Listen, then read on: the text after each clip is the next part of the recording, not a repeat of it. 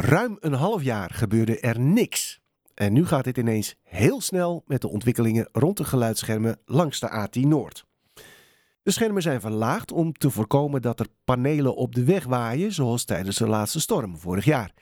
En Rijkswaterstaat heeft zich na een kritisch geluidsrapport bereid getoond om nu geluidsdempend asfalt aan te leggen en de definitieve vervanging van de schermen met een jaar te vervroegen naar 2024. Maar de Stadscommissie Noord liet afgelopen woensdag weten nog een plan te hebben. En hierover hebben we aan de telefoon Silke Tijkotte van D66 en zij is de initiatiefneemster van het plan. Mevrouw Tijkotte, fijn dat u in de uitzending wil zijn. Ja, uiteraard. Ja, wat voor plan gaat het?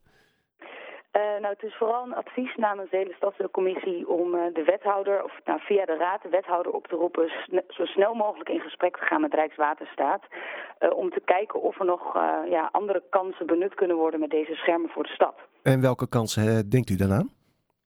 En dan denk ik aan de opgave rondom de gezondheid. Dus uh, de uh, luchtvervuiling, of een schonere lucht eigenlijk. Dus die kans om uh, dat mogelijk te maken. Maar ook aan het opwekken van duurzame energie middels zonnepanelen.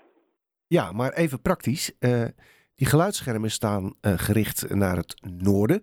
Terwijl die zonnepanelen juist naar het zuiden moeten staan. Nou ja, dat, dat is even een kwestie van anders denken.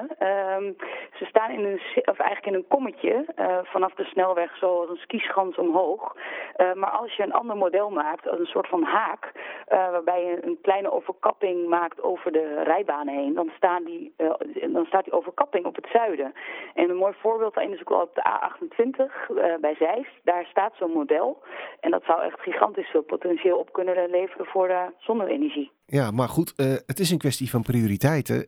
Uw eigen wethouder, mevrouw Van der Horst, ook D66, ja, die heeft uh, al gezegd van nou, laten we nou eerst even 80 km per uur invoeren in de tijd dat er nog geen geluidsdempend asfalt ligt.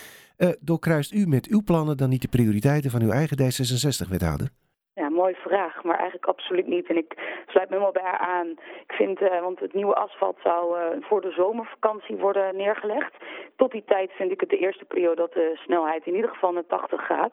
Voor de uh, ja, hinder die er nu al is. En met deze oproep willen wij als stadsdeelcommissie zeggen... oké, die definitieve ontwerpen van dit scherm worden over twee weken al gepresenteerd. Ga voor die tijd nog met Rijkswaterstaat om tafel. Want dat is ook die, die, dat model wat ik dan in mijn hoofd heb zitten als voorbeeld. dat doet ook heel veel voor de luchtkwaliteit. Voor alle mensen die aan de ring wonen. Dus uh, daarmee heb je eigenlijk een soort win-win-win uh, situatie uh, hopelijk te pakken. Maar geen vertraging. Is dat nog steeds de topprioriteit voor wat betreft de Stadscommissie ook? Ja, dus er staat ook echt in snel in gesprek gaan en um, Aanstaande woensdag is er ook een mondelinge vraag gesteld in de raad door de raadslid.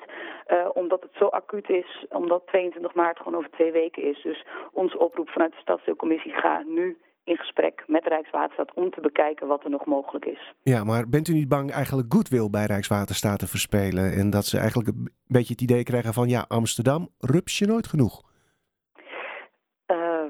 Nou ja, ik persoonlijk ben nog met Rijkswaterstaat gaan fietsen. Ik heb ze meegenomen door Noord. Jongens, ik wil jullie laten zien wat hier gebeurt. Was gezellig? Uh, hoe lang dit stuk is. Ja, was hartstikke gezellig. Okay. Uh, uh, ik heb ze nog, dus ik heb ook echt wel vaak met hen gebeld en gesproken. De goodwill, ja, ook, um, ja, het is nu iets tussen Rijkswaterstaat en de bewoners van Noord. En de gemeente heeft ook al gezegd, zodra ze iets doen over met de tijdelijke maatregelen, willen we ook echt wel wat meer actieve rol daarin opstellen in richting op de bewoners.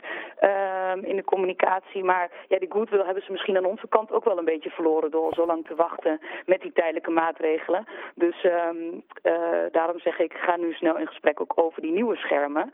En daar maakte ik ook al een opmerking over in de commissie. Want we zijn eerst heel druk bezig geweest met die tijdelijke maatregelen. Er moet nu iets gebeuren. Mm -hmm. En opeens hebben ze al een definitief ontwerp met schermen. Ja, jongens, opeens zijn jullie hartstikke snel. Okay. Uh, ja. Maar uh, in Nederland, Polderland, zou je misschien ook kunnen zeggen van, nou, u heeft ook de wens geuit om geluidsschermen aan de andere kant nog van de A10 te plaatsen.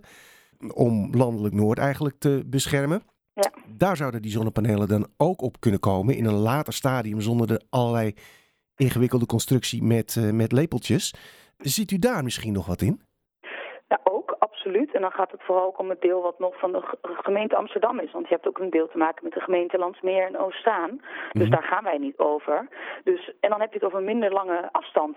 En elke vierkante meter is wat mij betreft meegenomen waar zonne-energie kan staan. Dus voor mij en en. Uh, want we hebben uitgerekend als we deze schermen plaatsen met zonnepanelen erop... dan kun je in ieder geval tussen de 1500 en 2000 woningen voorzien van stroom. Ehm, dus dat zou mooi En dat is mooi meegenomen. Uh, nou, u noemde die datum al, 22 maart. Uh, dan komt de Rijkswaterstaat dus de definitieve plannen presenteren. Uh, ja. U bent er ook? Ik ga echt mijn best doen. Uh, we hebben namelijk stadsdeelcommissievergadering 22 maart. Zul je net zien. Met heel veel. Ja, dus ik heb ze gebeld. Beste hal, kunnen we misschien toch nog verplaatsen? Uh, nee, dit stond wel vast. Um, en en uh, ik vind het heel belangrijk om daarbij te zijn. Dus mogelijk sluit ik later aan bij de stadsdeelcommissie. Maar dan moet ik ook met de commissie overleggen of de agenda dat toelaat. Nou, mag ik u in ieder geval veel succes wensen bij het bepleiten van uw plannen.